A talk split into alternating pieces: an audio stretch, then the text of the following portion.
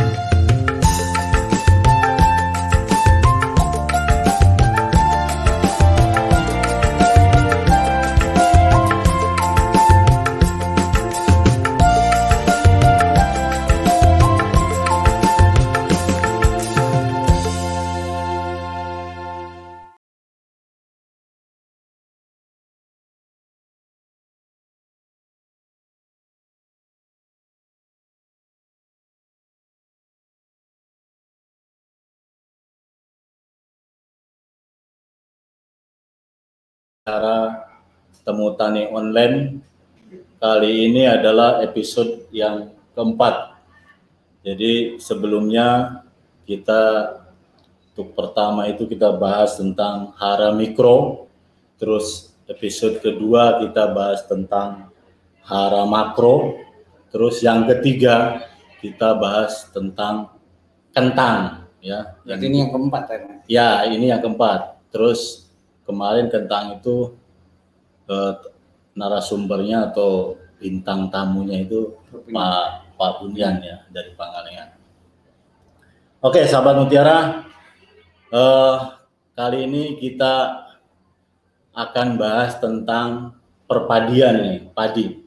Dan di samping saya sudah hadir petani muda ya dedikasinya tinggi terhadap bidang pertanian khususnya tanaman pangan padi ya. Beliau ini berasal dari Kabupaten Kerawang. Nanti saya akan korek-korek lebih dalam bagaimana mereka eh, beliau ini berkecimpung di dunia pertanian khususnya padi. Beliau ini adalah namanya kalau saya sih manggilnya Bang Jack ini tapi nama lengkapnya adalah Wahyu Suseno, Pak Wahyu Suseno ya. Nah, nanti kita korek beliau bagaimana sih kok bisa terjun ke dunia pertanian khususnya padi ini. Tapi saya akan lebih manggil yang yang friendly aja ya, Bang Jack atau Om Jack ini. Bebas lah, yang Bebas ya. lebih nyaman gitu. Oke, Bang Jack. eh, eh, apa sebelum kita nanti mungkin sahabat Mutiara ada yang bertanya ya silakan tulis di kolom komentar ya. Eh, silakan bertanya apabila nanti waktunya memang memungkinkan kita akan bahas satu persatu. Oke Bang Jack. Ya. Eh, sejak kapan ini Bang Jack kok bisa terjun ke dunia pertanian khususnya padi? Saya tahu ini padi adalah salah satu eh, tanaman pangan ya bahan pokok. Jadi bahan pokok masyarakat Indonesia ya salah satunya pangan. Itu adalah eh, padi. Padi. Selain kalau gandum ya mungkin bahan roti gitu ya. Terus Terus banyak padi sih. Ah, kentang ya, salah satunya kentang. Kemarin kita udah bahas, sekarang padi. Nah ini gimana nih Bang Jack? Kok bisa tertarik sama pertanian ini? Apakah dari orang tua atau memang keinginan sendiri ini? Coba Bang Jack. Ya, sahabat-sahabat dan rekan petani izinkan saya berbincang sedikit menjelaskan tentang pertanyaan Pak Ermen sampaikan. Oke. Saya dilahirkan di keluarga petani kebetulan. Dulu kita cuma bantu-bantu bapak saya, ibu saya bila bercocok tanam padi di lahan. Namun lebih fokus lagi pada saat orang tua saya nggak ada. Nah, saya pada saat itu bingung, saya mesti diapakan ini lahan kita kan gitu. Ya, ya, ya. ya. Nah, setelah itu kita berpikir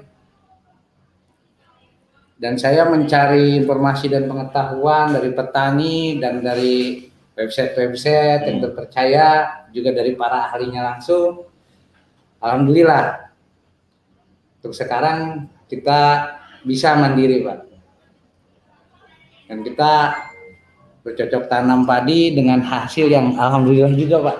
Bagi saya ini merupakan segi bisnis, Pak. Bisnis yang menjanjikan ya. Ya, jelas, Pak. Oke, itulah sahabat Mutiara. Jadi memang Bang Jack ini adalah tulen petani ya. Bapak dan ibunya adalah seorang petani tulen yang berasal dari Kerawang. Walaupun kita dalam keadaan ada wabah ini Jack ya, tetap kita bisa Jaga jarak. eh, berjumpa tapi dengan jarak yang yang agak lebar lah ini. Biar enggak ya kita dukung semua Aturan. program pemerintah ya. Oke, Bang Jack. Nah ini saya tahu bahwa Bang Jack ini linggih ya, eh, menetap di, di Kerawang ini dan Kerawang sebagai salah satu lumbung padi nasional. Kalau dulu sih saya ingat datanya katanya 40 sampai 45 persen itu eh, apa suplai pangan nasional ya. Makanya disebut lumbung lumbung padi. Nah ini sebenarnya potensi Kerawang ini untuk padi gimana bang Jack? Kalau bagi saya pribadi sih cukup bagus pak. Bila mana kita geluti Hmm. dan kita pelajari itu sangat-sangat bernilai bisnis yang baik. untuk untuk padi ya Iya, tidak tidak kalah dengan komoditas lainnya ya tidak pak. Apalagi saya ahli Kerawang, insya Allah saya akan mempertahankan Karawang sebagai lumbung padinya Indonesia. Oke, ini jadi keinginan kuat dari Bang Jack ini tetap bahwa akan terus mempertahankan Kerawang sebagai lumbung padi nasional ya. Nah ini tentu ada ada usaha-usaha tertentu atau trik tertentu nih Bang Jack ya Eh, karena tahu bahwa Kerawang ini kan ya memang di satu sisi eh, Kerawang ini potensi padinya besar sebagai Betul, padi, tapi di satu sisi ini sebagai wilayah salah satu wilayah satelit dari DKI ya. Otomatis ini perindustrian mau nggak mau ini mendesak ini Bang Jack. Nah, usaha apa misalnya apakah Bang Jack pakai pakai usaha tani yang seperti apa supaya lahan yang terkikis sedikit oleh oleh industri ini bisa tetap menghasilkan produktivitas yang tinggi apakah menggunakan eh, varietas yang berbeda atau gimana Bang Jack? Ya, kita mencanangkan ke petani, terutama petani-petani rekan-rekan kita yang Hmm. biasa sharing, Pak. Sebenarnya kita bukan mengajari, dalam hal ini saya lebih setuju sharing, berbagi pengalaman, Oke. Dan saya juga belajar daripada mereka-mereka sekalian, partner atau mitra saya, saudara saya, saudara sepetani saya. Jadi gimana caranya dalam bertani itu kita sedetil mungkin kosnya kita hitung berapa hasil panennya berapa dan nanti kita tinggal otak atik gimana caranya potensi tonase itu tinggi nah dari situlah akan terciptanya antara modal berapa yang kita keluarkan hasil berapa yang kita hasilkan berapa keuntungan kita sehingga bertani itu akan menjadi pekerjaan atau minatnya kaula muda untuk bertani itu semakin tinggi Pak karena sekarang ini saya risih lihat petani-petani yang ada di lapangan itu umurnya sudah sepuh-sepuh. Oke.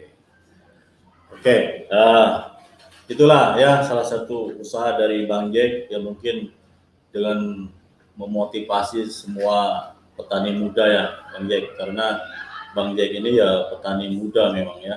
Ya Udah generasi kedua ini ya. Betul. Generasi kedua ya. Oke. Eh, kan tentu salah satu usaha pertanian yang diusahakan oleh Bang Jack ini kan berhubungan dengan dengan alam ini Bang Jack ya. Karena pertanian adalah usaha usaha dengan alam. Ini berapa kali sih sebenarnya yang bisa diusahakan untuk nanam padi di daerah Karawang dalam setahun? Apakah bisa empat kali atau tiga kali atau lima kali ini? Kalau kita lihat di umur padi sih Pak, tiga kali bisa. Cuman karena kita memperhatikan unsur hara yang terserap, biar tanah itu Iya. memberikan hasil yang maksimal, kita istirahatkan atau kita selang dengan palawija. Oke. Kalau saya pribadi, entah kalau petani yang lain ada yang tiga kali mungkin. Kalau saya secara pribadi dengan mempelajari iklim dan hasil yang sudah dilaksanakan ada yang tiga kali, saya lebih baik dua kali dengan diselang oleh tanaman yang lain. Yang lebih baik itu ya salah satunya palawija. Oke. Berarti memang nggak bisa dipaksakan ya Bang Jack. Ya. Walaupun mungkin semua mendukung ya, Ya. baik air atau sarana pertanian yang lain, tapi lingkungan misalnya serangan OPT atau hama Iya. penyakit kan nggak bisa. Nggak bisa. Ya, jadi memang nggak ada jeda nanti siklus siklus hamanya nggak putus-putus ya. Oke, oke Bang Jack, kita kan eh, di Indonesia ini daerah tropis ya, tegas ini Ya. antara musim kemarau dengan musim penghujan. Biasanya potensi hasil nih Bang Jack untuk padi yang biasa Bang Jack eh, usahakan itu ada perbedaan kan nih dari segi hasil panen antara musim eh, kemarau Kemarau. dengan penghujan? Apakah lebih bagus? Oh, kemarau lebih bagus atau pengalaman Bang Jack gimana? Saya kira lebih baik di musim kemarau karena intensitas matahari itu lebih banyak. Karena tanaman itu padi pun tanaman, Pak. Ya, mereka akan lebih banyak menerima matahari untuk fotosintesis pada saat musim kemarau. Pengalaman dari tahun-tahun lalu, tonase jauh lebih baik dibanding musim hujan. jadi memang lebih baik di musim Kemarau. kemarau. ya. ya. Terus nih potensi di Kerawang nih, saya tanya lagi lebih jelasnya itu berapa? Berapa ton sih dengan ya tentu dengan pembedaan antara oh ini usaha tani Bang Jack segini atau petani yang biasa segini. Biasanya ada perbedaan nggak potensi hasil per hektarnya Bang Jack? Alhamdulillah Pak. Ada, jelas kemarin itu saya juga eh, ada rekan-rekan petani dan mereka menyampaikan dengan pola-pola yang kita bahas, kita sharing, Iya. mana yang baiknya ambil. Alhamdulillah tonase itu kalau kita bicara tonase kotor ya, di atas 10 ton per hektar itu Pak. Hasil kotor Ya, bahkan 11 lebih ada. Oke. Itu varietas apa ya sebenarnya Bang Jack? Bervariasi Pak, ada yang Mekongga, ada yang Invari 32. Oke. Pokoknya kalau saya lebih senangnya padi untuk konsumsi. Oke. Jadi memang kalau padi-padi lain ya di samping susah untuk marketingnya, cara jualnya ya ya kita lebih baik mengusahakan padi yang memang sudah rame ya dan pasar bisa menerima. Oke Bang Jack, dari analisa ekonomi Bang Jack ini, Hmm. eh, Merauke ini kan bergerak di pupuk ya. Tentu eh, kita pengen tahu nih antara biaya pemupukan dengan biaya pengolahan tanah atau biaya insektisida lah apa pengendalian hama penyakit ini berapa persennya nih dari cost total yang Bang Jack bisa apa bisa keluarkan ini. Jadi khusus Untuk nutrisi pupuk ah, nutrisinya Paling kisaran di angka 20 sampai 30 persennya, Pak. dari total Iya, cost dari ya. total itu. Nah, itu sudah terpenuhi ya, Ya. NPK dan semuanya ya. Jadi rata-rata nih Bang Jack, Ya. per hektar ini biaya kos produksinya berapa nih? Kita lihat tergantung juga, Pak. Kadang kisah berarti di angka kisaran 10 sampai 13 juta per hektar, Pak. Per hektar itu Ya. total semua ya, Total semua. dari pengolahan tanah, Ya. udah bayar air dan macam-macam itu ya. Masuk operator pekerjaan. Oh, operator pokoknya total ya. Total. Jadi memang kalau 20 persennya dari 13 ya 20 sampai sekitar 30. sekitar dua setengah sampai Tiga juta. jutaan Iya, ya, itu untuk biaya biaya pupuknya. Oke, Bang Jack. Eh, menurut Bang Jack itu ekonomis gak sih dengan mengeluarkan biaya untuk nutrisi seperti itu? Ekonomis Pak karena eh, kita di samping harga juga setelah panen Hmm. yang sangat berpengaruh itu kan tonase Pak. Karena kita memberikan makanan yang lengkap gitu Iya. ya, jadi tonasinya Iya. memang memang tinggi. Oke, Bang Jack. Eh, saya pengen tahu nih, karena ya intinya kan sama ya, nutrisi tanaman itu ya intinya sama lah. Cuma mungkin eh, dosisnya yang berbeda Iya. antara tanaman pangan, perkebunan dan lain-lain. Nah ini Bang Jack, ini cara garis besar aja Bang Jack. Ya saya saya pengen tahu nih. Eh, untuk padi ini kebutuhan ya ini praktek Bang Jack aja nih, Iya. kebutuhan NPK ya terutama ya unsur makro lah ya karena itu dibutuhkan sangat banyak. Saya pengen tahu nih N nitrogen, fosfat dan kaliumnya kira-kira untuk padi yang yang ideal lah setelah Bang Jack eh, lakukan di di lapangan. Yang biasa kita pakai aja Pak. Ya, yang biasa Berarti dalam jumlah kilonya. per hektar ya. Ya. Untuk urea dari total dari total Ya. tanam itu kita pakai untuk musim panas ya. Musim panas itu kemarau berarti di kisaran angka 150 sampai 250. Itu Gitu. untuk untuk sumber N-nya ya, Iya. ureanya ya. Ya. Terus selain itu pakai pupuk apa dulu Bang? Untuk unsur P-nya. Ah, fosfatnya. Fosfat berarti di angka 150 150 ya, Ya. 150 kilo itu per, per hektar per ya. Oke. Terus untuk kaliumnya Kalium pakai berapa? sekitar 50 sampai 100. 100 kilo ya. Ya. Ini adalah pupuknya, bukan Ya. bukan K2O-nya ya, berarti pupuknya ya. Ya. Jack berarti ureanya itu 250 kalau di musim penghujan ya dikurangi Ya. 150 atau 200 ya. Terus sumber fosfatnya, pupuk sumber fosfatnya Bang Jack bisa pakai 150 sampai 200 ya. Ya, betul. Terus kaliumnya, sumber kaliumnya bisa 50 sampai 1 kintal. Oke. Oke. Jadi apakah ada tambahan lain nih Bang Jack selain NPK apa hara mikro atau lain? Jelas kita pakai mikro, Pak. Itu justru ini yang sering dilupakan oleh petani kita di Kerawang tuh ya unsur mikronya. Ya. Mereka lebih fokus ke NPK selesai. Hmm. Nah, di sinilah kita insya Allah ya mudah-mudahan diterima juga sebagai pembeda dan bukan dianggap kita kompetitor sebagai sesama petani gitu. Tapi kalau dianggap kompetitor untuk positif sih alhamdulillah. Oke Bang Jack, Eh, saya singgung sedikit nih. Ya, karena tetap untuk untuk potensi hasil ya. Ya kita selain selain air terus eh, pupuk terus tanah Tanah. kondisi tanah ya terus pasca panen terus pengendalian sama penyakit Nah, ini adalah benih nih Bang Jack biasanya Bang Jack ini mungkin ke depan ada rencana karena Mekonga atau IR IR42 atau atau apa Ciherang itu kan saya dengar-dengar ini ya potensi genetiknya memang nggak seperti padi sekarang lagi saya dengar-dengar rame ini hibrida apakah ada arah ke sana Bang Jack? Kita buka aja di sini ya. Ya boleh. Biar semua pada tahu bahwa kita itu bertani bisnis. Hmm. Kebetulan di sini ada perusahaan yang mengajak kita kerjasama dan ada hasil panen jamin dijamin dengan harga sekian di dalam kontrak tersebut.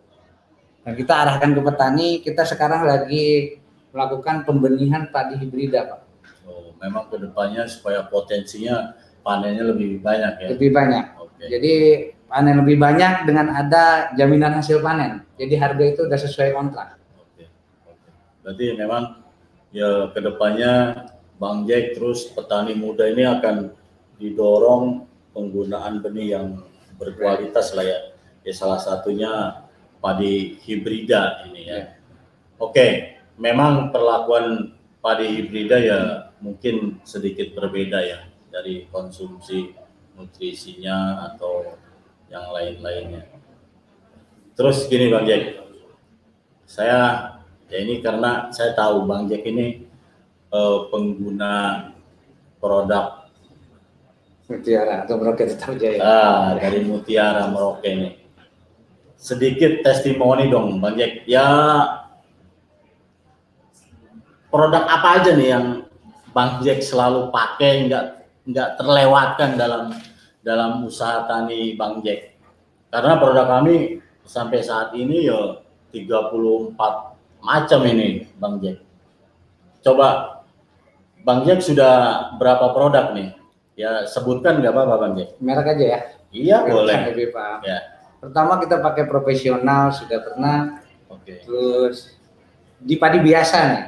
Hibrida pun pasti per- keperluannya sama dan benar kita udah praktekkan pun sama juga Ya. sebenarnya. Cuman bedanya di teknik budidaya aja antara padi biasa dan hibrida. Yang keduanya produk karate boron. Karate plus boron Iya. ya. Oke. Yang ketiganya Pitoflex. Toplek itu. Oh ya mikro Ya. ya. Oke. Profit hijau, Profit maxi, Oh maksi. Oke. ya. Mungkin kadang dipakai kadang enggak, tergantung kondisi di lapangan, Ah.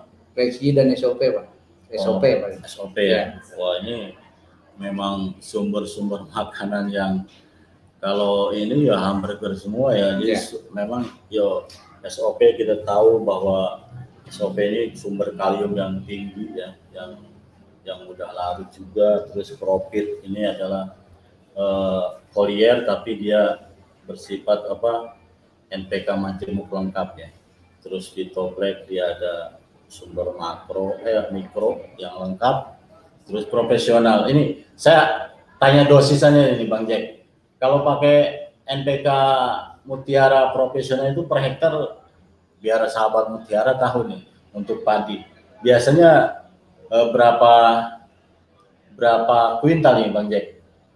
Minimal itu 150 kilogram atau satu kintal setengah berarti kan? Satu kintal Minimal. setengah ya. Oke itu minimal ya. Minimal. Bang Jack pernah pakai lebih dari itu? Pernah.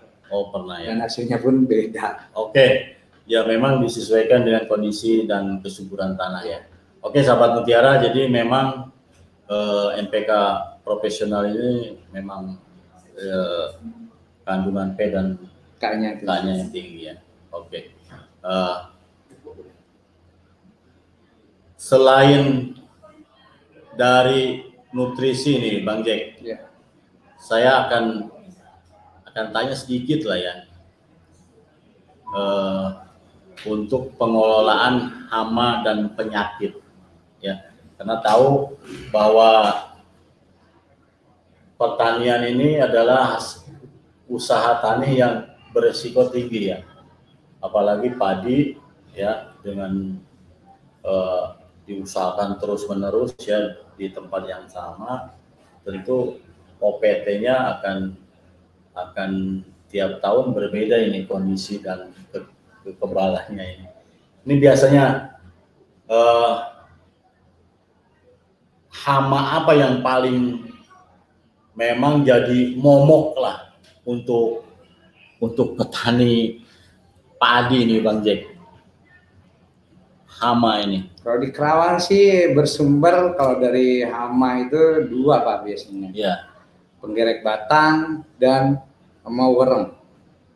Oh ya ya ya ya ya. Penggerek batang dan Sama wereng. hama wareng. Itu biasanya di musim kemarau nyerangnya atau di musim penghujan atau dua-duanya nih Bang Jack? Kalau wereng lebih banyak di musim kemarau kemarau lebih ya. banyak. Oke. Cuman dia bakal lebih dominan lagi serangannya pada saat pergantian musim, apalagi cuaca panas, teduh panas, teduh. Oh ya. Itu akan Jadi memancing habitat. Oke oke oke. Terus selain hama kan OPT ada penyakit nih Bang Jack. Nah ini penyakit tuh tiba-tiba, uh kok daun bendera saya seperti ini nih padi ya. Itu momok terbesar adalah penyakit apa nih di di padi Bang Jack? Jamur, Jamur gitu ya. ya. Kita udah antisipasi dengan fungisida juga, Bang. Oke. Jadi memang ya salah satu mungkin momok eh, untuk padi ini penyakit yang orang disebut dengan kresek ya. Iya.